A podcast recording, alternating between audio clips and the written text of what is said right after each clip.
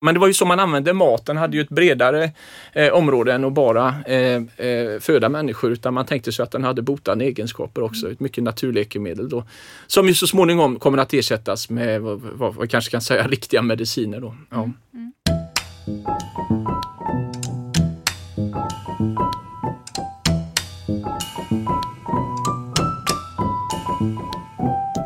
Det här är Matarvspodden. I denna serie möter jag, Lisa Häger, olika forskare och författare och pratar om mat som kulturarv.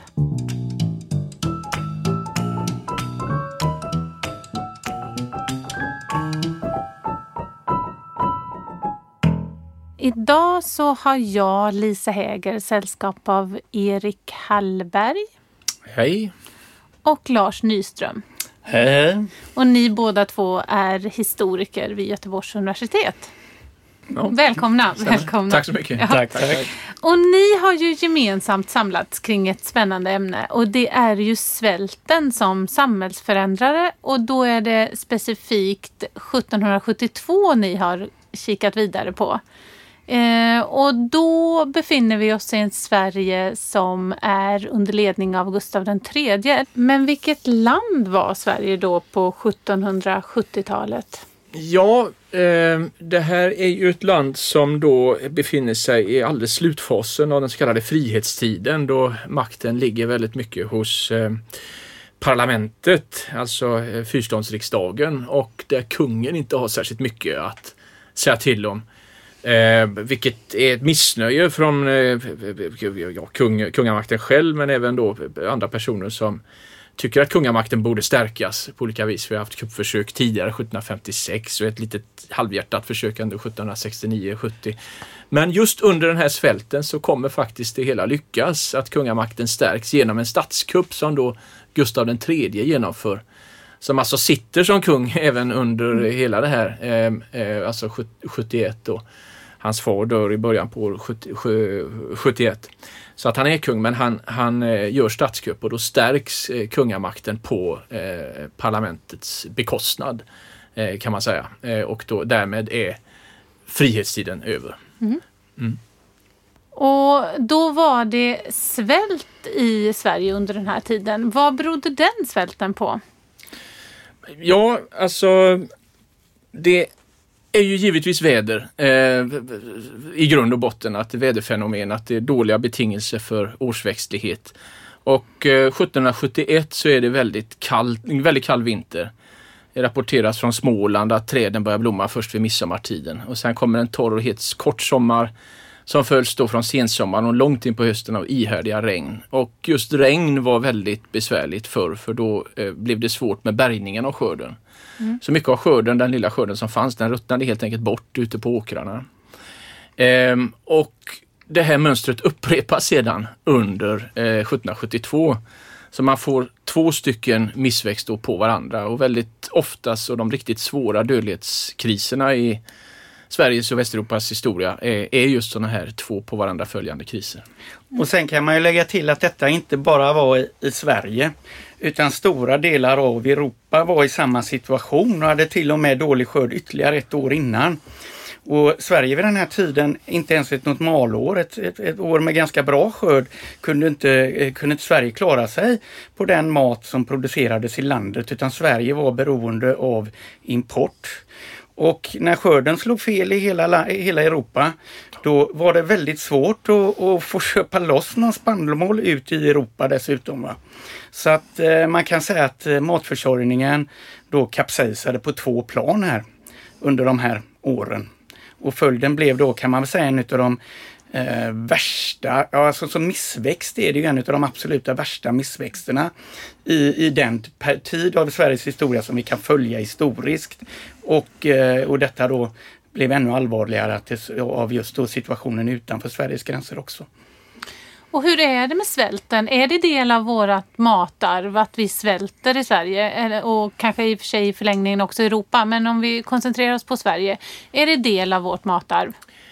Ja, på sätt och vis eh, får man väl eh, konstatera det i ett långt historiskt perspektiv att det här var väldigt återkommande. Det var eh, eh stora årsväxlingar i skörden Och vissa år blev väldigt knappa där det åtminstone en gång per decennium så kan vi se nästan en, en sån här mer eller mindre svår dödlighetskris som, som kan gå tillbaka på eh, ett dåligt försörjningsläge. Så eh, det fanns en tradition av att eh, få uthärda ett magert leverne mm. i, i, svensk historia och där, där också den här typen av nödmat eh, fick tillgripas. Då. Nödmat, vad kan nödmat vara för någonting? Eh, ja, en vanlig sak som gått till historien är väl de här barkbröden då, att man blandar eh, innebark från framförallt tall i mjölet. Men det är också sådant som ljungknoppar och eh, lavar och annat som man kan dryga ut mjölet med. Mm. Eh, som ju var ganska otjänliga får man ju säga. som, som, det här är inget som vi rekommenderar Nej. som någon slags eh, svältdiet så för folk som ska gå ner. Eh, ut, ut, och, och, det kan man ju se då att eh, precis som i andra svältkatastrofer så dör inte de flesta människor omedelbart av svält eh, så, utan det blir i den här typen av svältrelaterade sjukdomar som också då kan kopplas till otjänlig föda inte minst. Uh. Och att man har ätit omogen säd kanske sådär, att man knaprar på utsädet så som inte har... Eh, mm. ja. Och så nedsatt immunförsvar och så sprider mm. sig olika epidemier. Mm. Så de flesta dör ju i ja, olika typer av ja, smittsamma sjukdomar och, och så vidare. Så. Mm. Det, och den här tiden 72-73 så är det ju framförallt eh, eh, eh, smittkoppor i någon utsträckning men ännu mer olika typer av febrar, tyfus och så kanske allra värst då dysenteri. Eh, som sätter in under augusti 72, vilket är för övrigt intressant för det är då just Gustav den tredje samlar mod till sig och gör den här statskuppen vi pratar om. Mm. Och så är läget ganska förtvivlat fram till januari. Sen går dödligheten ner lite grann men förblir väldigt hög under vårvintern. Och sen så blir det en förfärlig, förfärande dysenteriepidemi, framförallt dysenteri under eh, sommaren, eh, hösten 73. Sen är skörden 73 bra då. Så då Men hur då är, är det med dysenteri? Drabbar det alla åldrar eller är det främst de äldre och yngre som många epidemier gör? Ja, den här eh, svältkatastrofen då eh, drabbar väl kanske i högre utsträckning yngre människor. Just för att dysenterin är så vanlig. Den slog mer mot unga åldrar. Mm. Eh, en undersökning vi har gjort eh, i ett härad visar att genomsnittsåldern på de som dog i dysenteri låg kring 21 år. Mm. De som dog i tyfus eh, var 35 år ungefär, så den, den slog mer bredare. Men, men dysenteri är någonting som slog unga, eh, lite mer män än, än, än kvinnor. Mm. Mm. Och eh, jag tänker också att eh, svälten kan ofta kopplas samman med en samhällsförändring och det har ju ni sett här också. Ja, det är ju en del av en utgångspunkt för det här större forskningsprojektet som vi, vi bedriver då. Som tittar på sambandet mellan svält, epidemier och politik under en längre tidsperiod i, i Sveriges historia kan man egentligen nästan säga från ja, 15 eller 1600-tal och fram till, man kan gå fram egentligen till demokratins genombrott. Och, och, och, och, och kan se att väldigt många utav de viktiga förändringarna i styrelseskiktet, alltså där vi har politiska brytpunkter, sammanfaller med den här typen av situationer med väldigt hög dödlighet, vilket då bottnar ofta i, i, i, i misslyckad, eh, misslyckade skördar, också krig och, och, och eh, epidemier och så. Och det är ju 1772 ett väldigt tydligt exempel på då. Mm. Eh, sen kan man ju gå fram nästa sån här brytpunkt 1789 när Gustav III gör sig enväldig. Det är också under en situation av eh, hungersnöd i landet. Ehm, och eh, man kan gå, eh, ja det, det finns ett, ett, antal sådana här exempel. Också en del oroligheter, Dalupproret. Eh, då, då, blir det ju inget maktskifte eller no, blir ingen omvälvning. Men det är också en, en situation med med, eh, med, med, med, med hungersnöd i stora delar av landet. Så du menar att uppro, upproret kommer sig av att man, man svalt helt enkelt och krävde rättvisa eller är det det ni har sett? Ja, i det här fallet det, snarare kan man säga att en slutsats är att det väldigt sällan blir uppror och det är väl egentligen mm. det är de här situationerna folk har väldigt, alltså folk har inte mat på bordet. Det är desperat i hemmen. Men det är ganska ovanligt att man verkligen gör uppror. Va? Och, och det hänger nog samman med att, att eh, ja, du har helt enkelt inte kraft mm. till politisk handling när du, när du knappt så att säga, det, du, du, systemet ställs in på direkt överlevnad med kortsiktiga målsättningar än långsiktiga politiska målsättningar. Eh, så att våran tes är väl snarare, och då kan man väl säga att i viss mån Eh, det här Dalupproret är väl eh, eh, lite grann undantag från, från den regeln. Men utan snarare ser vi väl att detta är kanske en, en legitimitetsbas för andra som vill flytta fram sina positioner politiskt. Eh, så att det är snarare inom den så här, politiska eliten som, som drar nytta av sådana här situationer. Va? Man kan säga, och det är lite motsvarande som idag när det, det är kris i landet, då öppnas möjligheter att göra saker som när allt är frid och fröjd är, är svårare att rucka på. Och det menar vi att 1772 eh, den stadsomvälvningen, den måste förstås mot den här bakgrunden. Att, att eh, ja, eh, den här situationen och då är det så att säga Gustav III, kungamakten, som tar, tar, utnyttjar detta. Eh, och kan man säga väl en, en, som vi i alla fall tycker oss kunna se, eh, eh, en bred så att säga eh, uppfattning inom landets befolkning att, att den rådande regimen har misslyckats med detta. Mm. Mm. Man kan påminna om att den här historiska svälterna och dödlighetskriserna är ju allvarliga på ett sätt som är svårt att ta in om man ser på dödlighet. Eh, eh, 1772 så dör ett, eh, det allmänna dödstalet i riket då eh, 3, 37 promille, alltså 3,7 procent. Året efter så är det 52 promille, alltså över 5 procent. Så man får tänka sig alltså var, var 20 människa dör eh, i landet 1773. I många, det här ligger ju en väldigt hög barnadödlighet i detta mm. men, mm. men det, det är alltså människor rycks bort i en utsträckning som är svår att, att föreställa sig för oss. Och det innebär ju också att de flesta känner någon som har dött oh ja, av oh ja, det, helt oh ja. enkelt. Och eh, det, framförallt drabbar den ju ett brett bälte genom Mellansverige och rapporter där är ju om människor som knappt kan ta sig fram för att de svälter. De släpar sig fram, de är svarta i ansiktet, uppsvullna magar och sådär. Så att det är ju den situationen och då att förvänta sig att de ska göra uppror blir ju, ja, ja. så det, det dränerar människor det är inte på det, energi. Det är inte Nej. det som är, är, är, fokus utan mat Nej. för stunden är fokus ja, helt ja. enkelt. Men ni har ju också sett att det är lite skillnad i de olika regionerna i Sverige.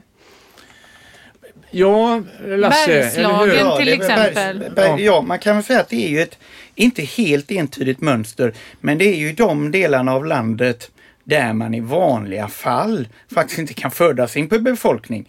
Eh, och då tänker man kanske det gamla bondesamhället att ja, man levde på gården och, och, av sin egen skörd och så vidare. Och så riktigt så var det ju inte utan det är ju en stor regional arbetsdelning. Och om man tittar i Bergslagen, ja de hade absolut inte spannmål ett vanligt år så de kunde livnära sig utan de lärde ju sig på så att säga, producera järn. Och det förutsatte jättestora spannmålsleveranser in varje år. Och på motsvarande sätt så är det ju stora delar av västra Sverige, Sjuhäradsbygden och så där man har textilindustrin, hemindustrin som är, som är viktig redan vid den här tiden.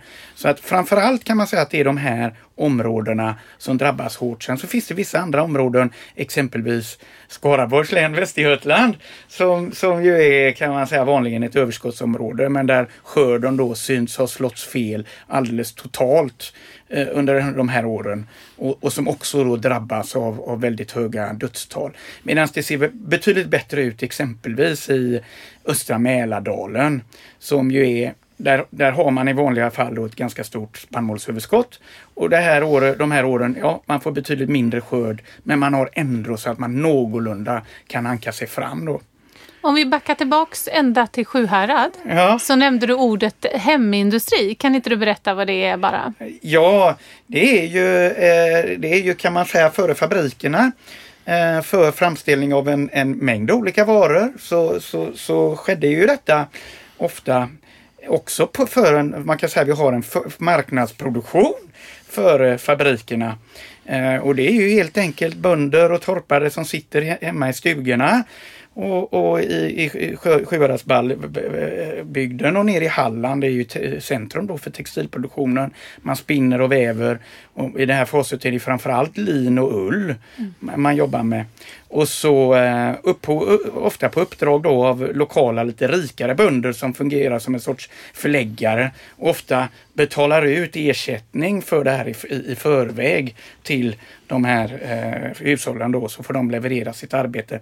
Och sen så sprids ju detta med knallarna sen runt om i landet. Så det är ju en, det är en viktig del av eh, eh Industrialiseringen ja, helt det, enkelt. Det här leder ju det fram så småningom till till, till fabrikerna. Men om vi också pratar lite om Bergslagen och, och eh, västkusten och brist på inhemsk produktion. Kunde man inte öka upp importen då när det var brist på inhemska livsmedel och brist? Fanns det, varför kunde man inte göra det? Ja, det var som eh, nämndes här då att eh, det här var en paneuropeisk missväxt då så det saknades eh, spannmål även på andra sidan Östersjön. Det, det, det, är ju intressant att se det alltså från stormaktstiden så, så ehm, när då bergsindustrin expanderar så erövrar ju Sverige samtidigt områden på andra sidan Östersjön som fungerar som kornbodar om vi ser till försörjningssystemet, att man lever på importerad spannmål. Sen under 1700-talet har Sverige förlorat de här baltiska hamnarna och besittningar och då får man förlita sig på handel. Eh, men eh, och det är ett stort ansvar då för handelsmännen. Så ser man det att det är deras eh, ansvar för de har fått särskilda privilegier eh, att, att eh, handla med utlandet och då ska de också förse landet med spannmål. Men det går inte under de här åren eftersom det helt enkelt inte finns särskilt mycket spannmål att köpa och i vissa hamnar så är det exportförbud från de här länderna för att de bedriver ett eget nödhjälpsarbete. Den behövs bättre där. Så att eh, Eh, I grund och botten så, så, så, är det en brist men samtidigt får man ju se att det är ett system man byggt upp som visar sig vara oerhört sårbart och som kollapsar. Och eh, det är ju det som ligger till grunden för den här legitimitetskrisen då. Eh, som eh, nämndes här tidigare. Mm. Ja, också att man inte lyckas vidta ändå åtgärder. Eh, en sån här fråga som diskuteras jättemycket i, i riksdagen bland annat, det är ju brännvinsbränningen att under den här krisen, under svälten, så används inte helt obetydliga kvantiteter spannmål för att bränna brännvin. Ehm, och det är ju en jättestor diskussion att detta måste för, förbjudas. Detta måste eh, så att säga gå för att mätta, mätta hungriga magar. Men det klarar man inte av att fatta ett sådant beslut utan man fortsätter att bränna brännvin samtidigt som folk svälter på, på, på maten. Och det finns andra sådana här saker. Det, det, om man går in och tittar i, i riksdagsdebatterna så alltså kan man se att nästan alla åtgärder som hade kunnat vidtas för att lindra svälten, de stoppar, de fastnar mm. i olika motsättningar och det är motsättning mellan de olika, det är ju eh, den här fyraståndsriksdagen med adel, präster, borgare, bönder. Eh, och, och, alla konkreta frågor så fastnade motsättningar mellan ständerna, mellan de olika partierna, mellan regioner. Mm. Eh, och då kan man säga att det är de, de regionerna, framförallt i Bergslagen där svälten är värst. Mm. De, de jobbar, vi måste få in eh, spannmål. Men de andra regionerna där man kanske då fortfarande klarar sig eller till och med har ett litet överskott som man då kan sälja till goda pengar. De, de motsätter sig eh, de här ansträngningarna som ändå görs för att köpa in och skeppa in spannmål till Sverige. Man går in på formaliteter i, i, i de här överenskommelserna. Och prästerna oroar sig för att det blir för dyrt och för att de är rädda för att för, för, för liksom underlaget till deras egna löner och så vidare. Eh, bönderna, de vill ju släppa handeln fri för att, för att kunna säkerställa att alla möjliga sätt Eh, då ska kunna sippra in spannmål och så vidare. Eh, men det motsätter ju sig då borgarna som har privilegier på all handel. Eh, så att eh, alla möjliga olika eh, åtgärder som diskuteras, nästan allting, eh, det blir liksom en tumvante av det till, sist. Mm. Och, och, och det diskuteras och det diskuteras och det diskuteras och ingenting görs. Och du nämnde prästerna och deras motstånd. Vad, vad tog religionen för roll i det här? Ehm, ja, det, vi har ju undersökt mycket material för eh, eh det fanns ju tryckfrihet under de här åren så att det trycktes ju mycket pamfletter och det var en, eh, frågan är ju hur fri debatten var, ifall folk höll, höll tand för tunga ändå och sådär, för man visste ju aldrig så. Men vi ser ganska lite av religiösa eh, argument eller religiös, religiösa motiv kan finnas men kanske det är uppenbart att man, man fortfarande tänker sig en, en närvarande gud. Va? Eh, och att Gud har straffat landet och sådär. Men, men eh, det är ändå påtagligt att man diskuterar krisen i mycket mer konkreta termer. Mm. Eh, Ja, och det kan man säga är lite anmärkningsvärt för att om man går längre bakåt i tiden så är ju de här religiösa aspekterna på den här typen av kriser väldigt tydliga. För det är ju den här tankefiguren att eh, alla olyckor som kan drabba folket, det är ett straff från Gud. Va? Mm. Gud kommer med sin piska. Eh, och det är jättetydligt om vi tittar exempelvis på 1500-talet och också fortfarande under 1600-talet. Eh, och det är ju, det ska man säga, den officiella förklaringen från statsmaktens sida. Nu är det svält och det beror på folket själv för folket har syndat. Och det kan man ju se bland annat, man hade ju ett system med böndagar. Eh, eh, då hela eh, landet skulle samlas i kyrkorna och, och, och, kan man säga då be för landets välgång. Och då gjorde ju särskilt en sån här böndagsplakat. Och i samband med, med svälte så är det väldigt tydligt man lyfter fram den här typen av bibelstycken om den straffande guden och, och folkets syndfullhet och kopplingen däremellan. Ja. ja det, det är jättebra för det, det, som finns är ju faktiskt Gustav III själv. Va? Han utnyttjar lite grann den här eh, tankefiguren om, om eh, att Gud har straffat landet för ständernas synder. Mm. Eh, så att det finns i den gustavianska propagandan som sen leder fram till eh, som bereder mark kan man säga för statskuppen så finns, så finns det närvarande och det tycks om man tittar på Göteborgs tidningar eh, Dagligt Allehanda, den stora tidningen, så, så verkar det här också etablera sig som en, som en eh, uppfattning på något sätt att, eh, ja, att ständerna och deras regim bär i någon mån ansvaret för, för, eh, för läget i landet. Mm. Hur var det, ledde det också till en, eh, en intern migration inom landet? Rörde man på sig? Letade man efter ett bättre liv någon annanstans eller stannade man hemma? Ja, det är, det är ju det klassiska i svält att man antingen behöver ta sig till områden där det finns mat eller att man behöver ta mat där det finns svält så att säga. Och den första, det senare har vi gått in på, det fungerade ju i väldigt liten utsträckning utan kvar fanns ju migrationen då och eh, den är lite svår att kartlägga men vi har uppgifter om att just från Dalarna så, så eh, verkar väldigt mycket människor eh, röra på sig då. Eh, Malung har, har, vi en uppgift om att kanske en tredjedel av socknens invånare sticker iväg. Vi har konkreta uppgifter om en person från Dalarna som, som migrerar runt i hela södra Sverige med familjen hemma. Eh, vilket ju också är intressant. Då. Eh, och det slutar inte bättre med att han, ja, han lyckas aldrig få något arbete något större utan han behöver han behöver allmännas försorg själv när han befinner sig i Blekinge, Östergötland och vidare. Och det vill sig inte bättre att när han kommer tillbaka så börjar han anklaga eh, de styrande för den här eh, svälten och eh, manar till uppror och att det är bättre att dö för en kula än att svälta ihjäl, säger han. Och han ställs då inför rätta för det här och kommer att fällas också för det. Men det är ju tecken på detta hur folk ändå rör sig och i det så kan det ju då ligga eh, faktiskt en orsak till att dödlighetskrisen blir så svår, nämligen att eh, smittospridningen tilltar ju i takt med att människor som kanske bär på smitta kommer från de här områdena. De är svaga och så tar sig till, till eh, andra områden. Ja, det har vi ju lärt oss de senaste åren att eh, smitta mm. sprids när vi träffar varandra. Mm, ja, mm. precis. Och det hade man ju inte koll på riktigt eh, vid den här tiden. Eh, man tar här i stan fram en kur mot den här tyfusfebern Eh, där man också förklarar att den beror på elak stank i hemmet och så vidare. Mm. så, ja, men ja. Det känns, jag ser ett tema här att man alltid skyller ja. på, som kallar offer, ja. att man skyller på offret. Om du svälter ihjäl så beror det på att du har syndat och om du är sjuk beror det på att du har det äckligt hemma. Mm, ja, trevligt. Det, det, finns, men samtidigt får man nog mm. säga att den här eh, Lasse, eller hur? Jag menar, det, just den här svälten så ser väl vi kanske lite grann ett genombrott i en mer välvilja och större sympati sympati för de drabbade.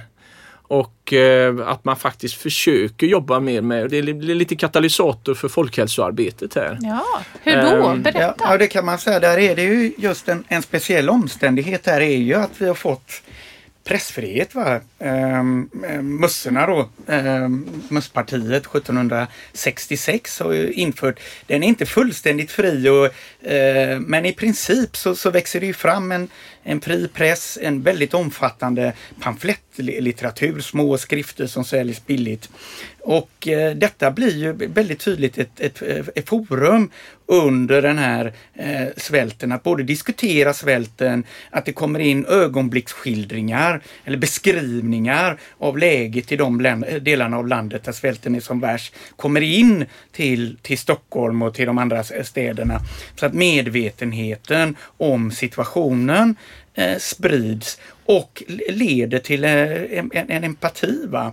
Och också då till konkreta insatser för att samla in pengar för att, för att hjälpa eh, nödlidande. Exempelvis då i, i, i, Dalarna där vi har en, en, en, en ja, Erik du ja, nej, jag, jag tycker bara, det, är, det är en jättestor sak, va? den är landsomfattande, men apropå det här du säger att det är en, lite misstänksamhet, så inte ens i det läget, för här har man ju beskrivit de mest fruktansvärda scener som är här. Och det är ju de här människorna man vill, man vill, eh, man vill eh, hjälpa, inte minst barnen är väldigt mycket framträdande i de här skildringarna.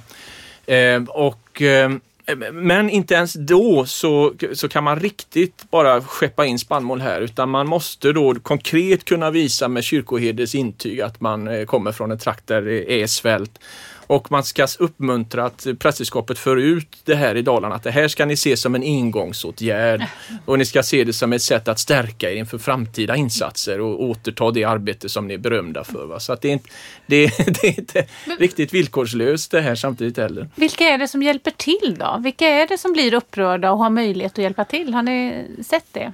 Eh, det är väl mycket förmodligen en, eh, och det är ju ganska intressant, det har ju med pressfriheten som Lasse är inne på här med, med att vi nog ser en offentlig borgerlighet växa fram nu eh, vid den här tiden. Alltså bondeupproret eh, under eh, 1740-talet, det kan man ju tala om en politisk rörelse på något sätt, men här är vi en generation fram. Här börjar man diskutera politik offentligt på ett annat sätt och vad som bör göras och vad som inte bör göras. Och det är väl troligt att just det här som vi kommer åt i det materialet rör då någon form av eh, ja, eh, medelklass eller sådär. Va?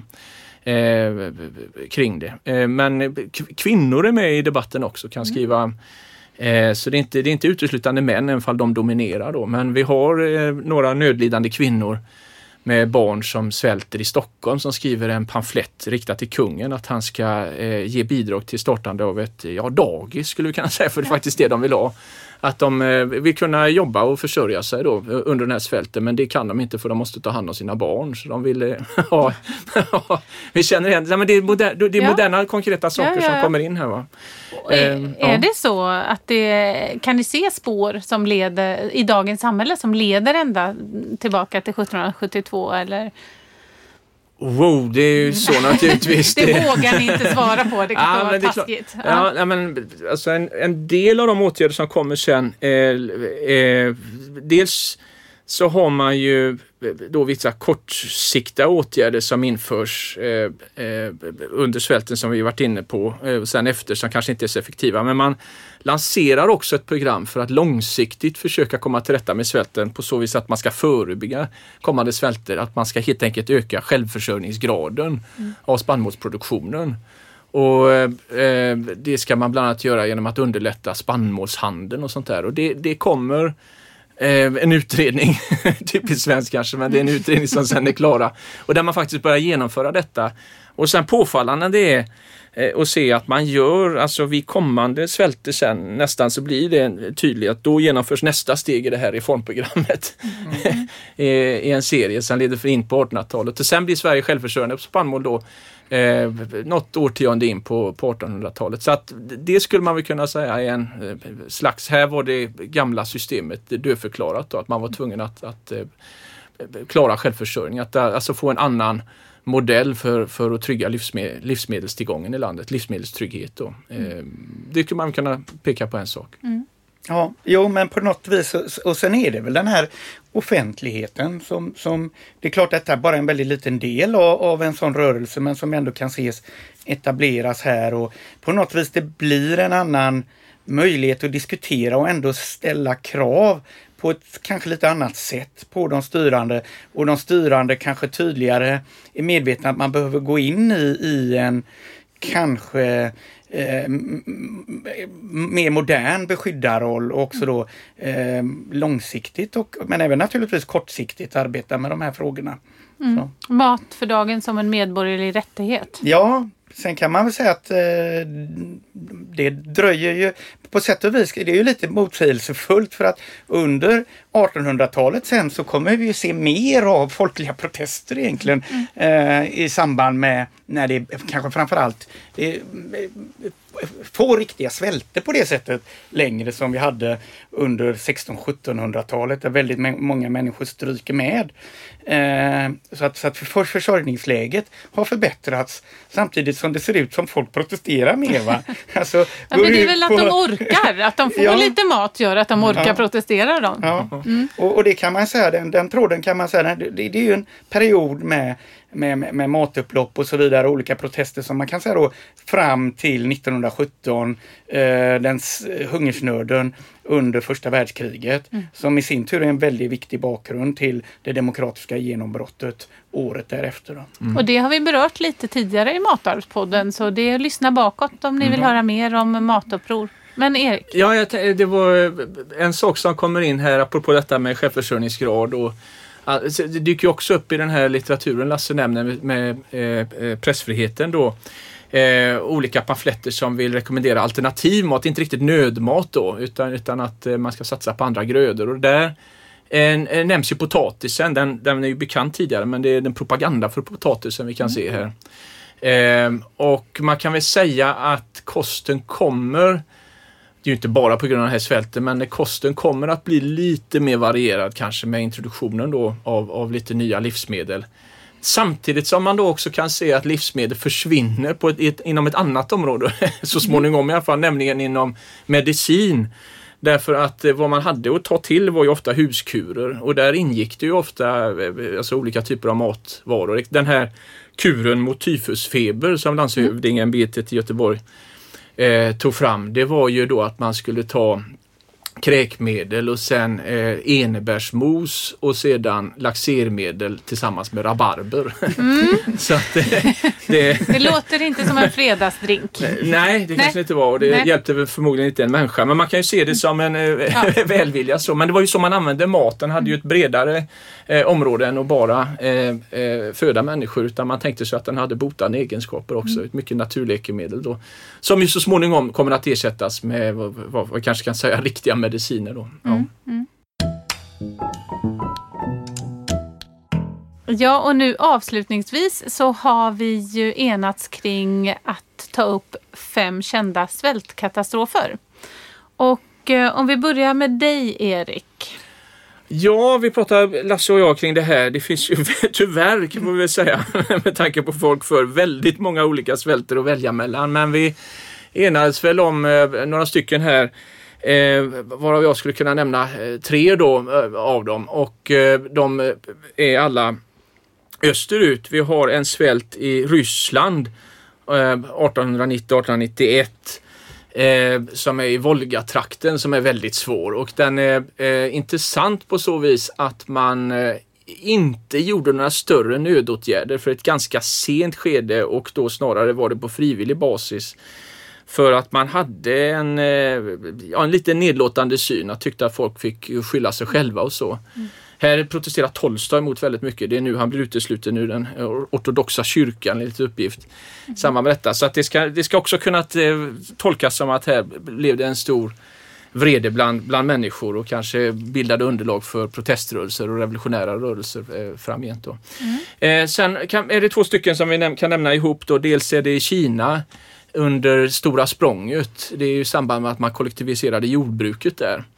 Eh, då i slutet, ja, 58 och, och, framåt och det är en fruktansvärd svält. Miljoner människor som dör Eh, kollektivisering av jordbruk är inte en, alltid en, det är ingen god idé och i, i synnerhet inte när det just genomförs så, så, så blir det ofta väldigt dålig årsväxt. Och här är den intressant därför att man vågar inte gå emot och det här skulle ju bli så bra enligt partiprogrammet. Mm. Så att man vågar inte riktigt rapportera från distrikten att det verkligen är, missväxt utan tvärtom kan det inkomma eh, rapporter om att man, man slår eh, förra årets skörd och så vidare. Mm. Så att eh, det gör att man kan agera från centralt väldigt sent i det här.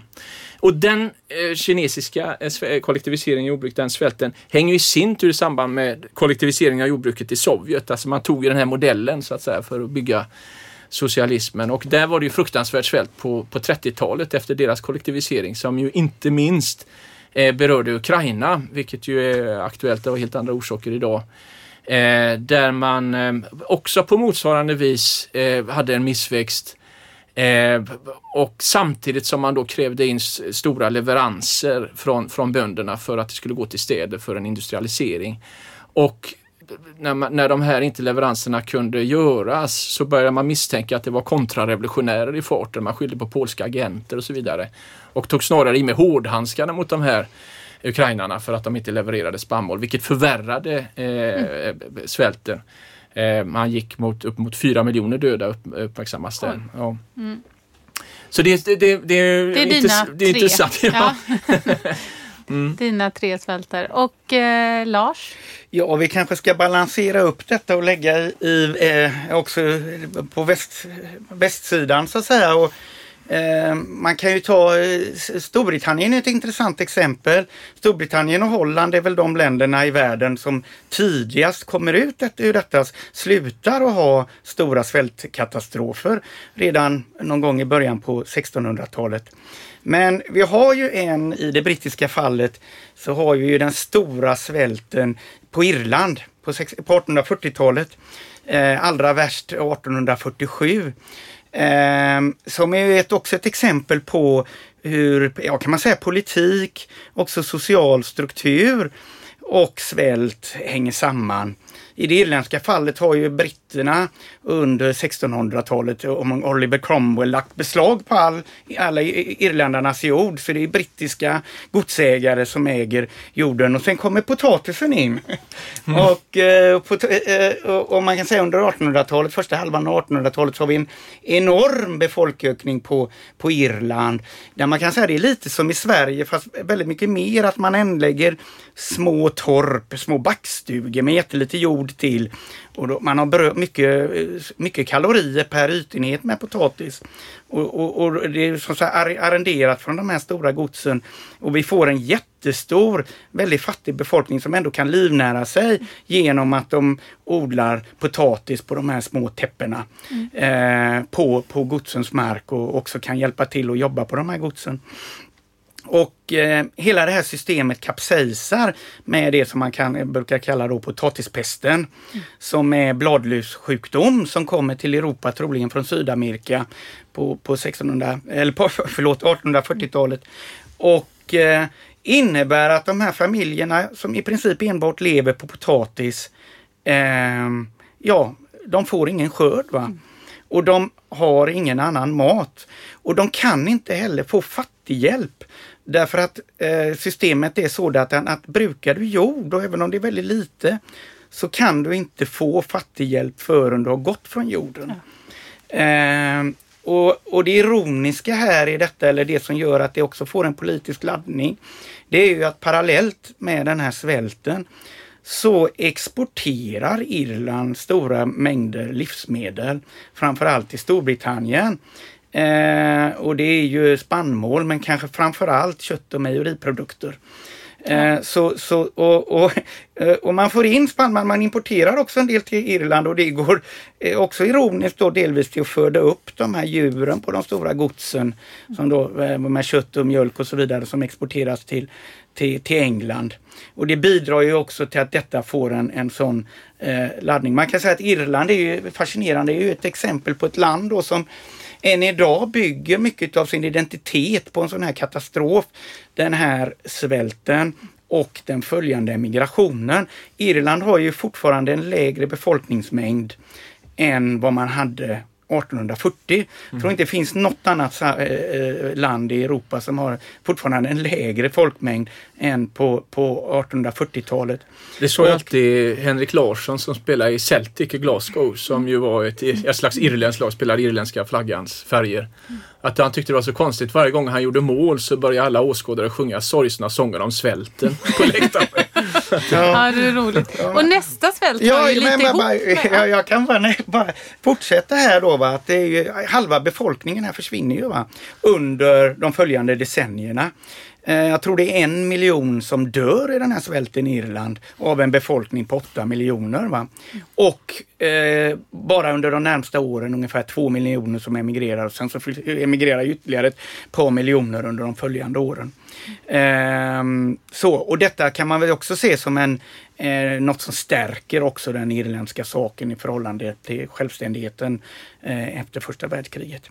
Sen kan vi väl ta då ytterligare en, kan man säga, brittiskopplad hungersnöd.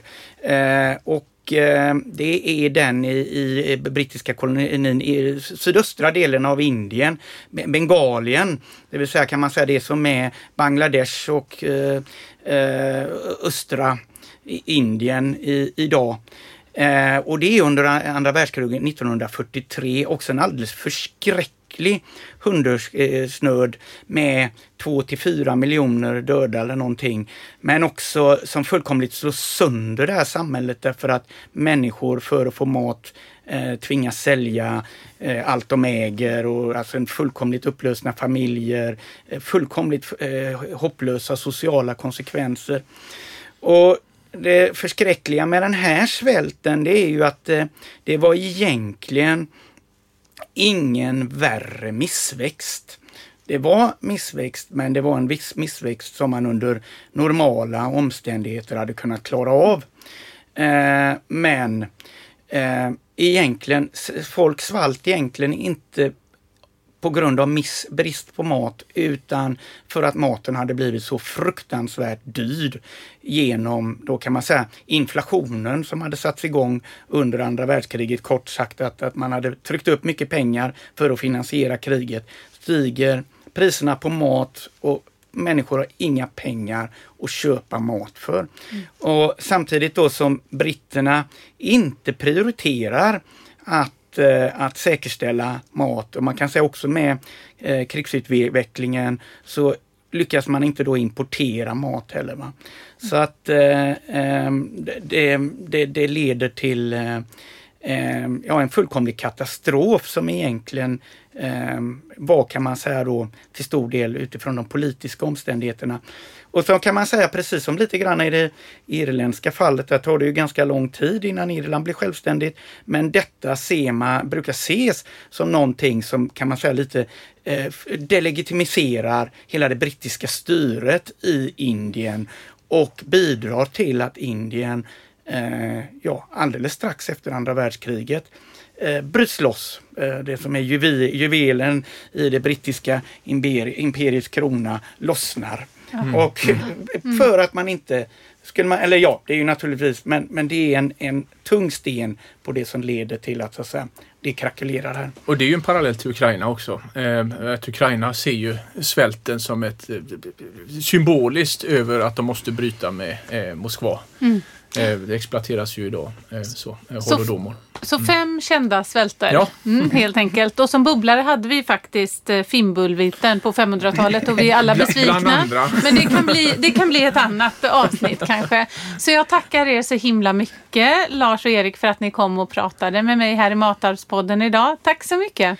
Tack så hemskt mycket! Tack så mycket! Matarvspodden produceras av Kulturarvsakademin vid Göteborgs universitet. Vill du veta mer om mat som kulturarv? Läs gärna boken Matarv som finns på Carlssons bokförlag. Och vill du veta mer om Kulturarvsakademin? Sök på webben.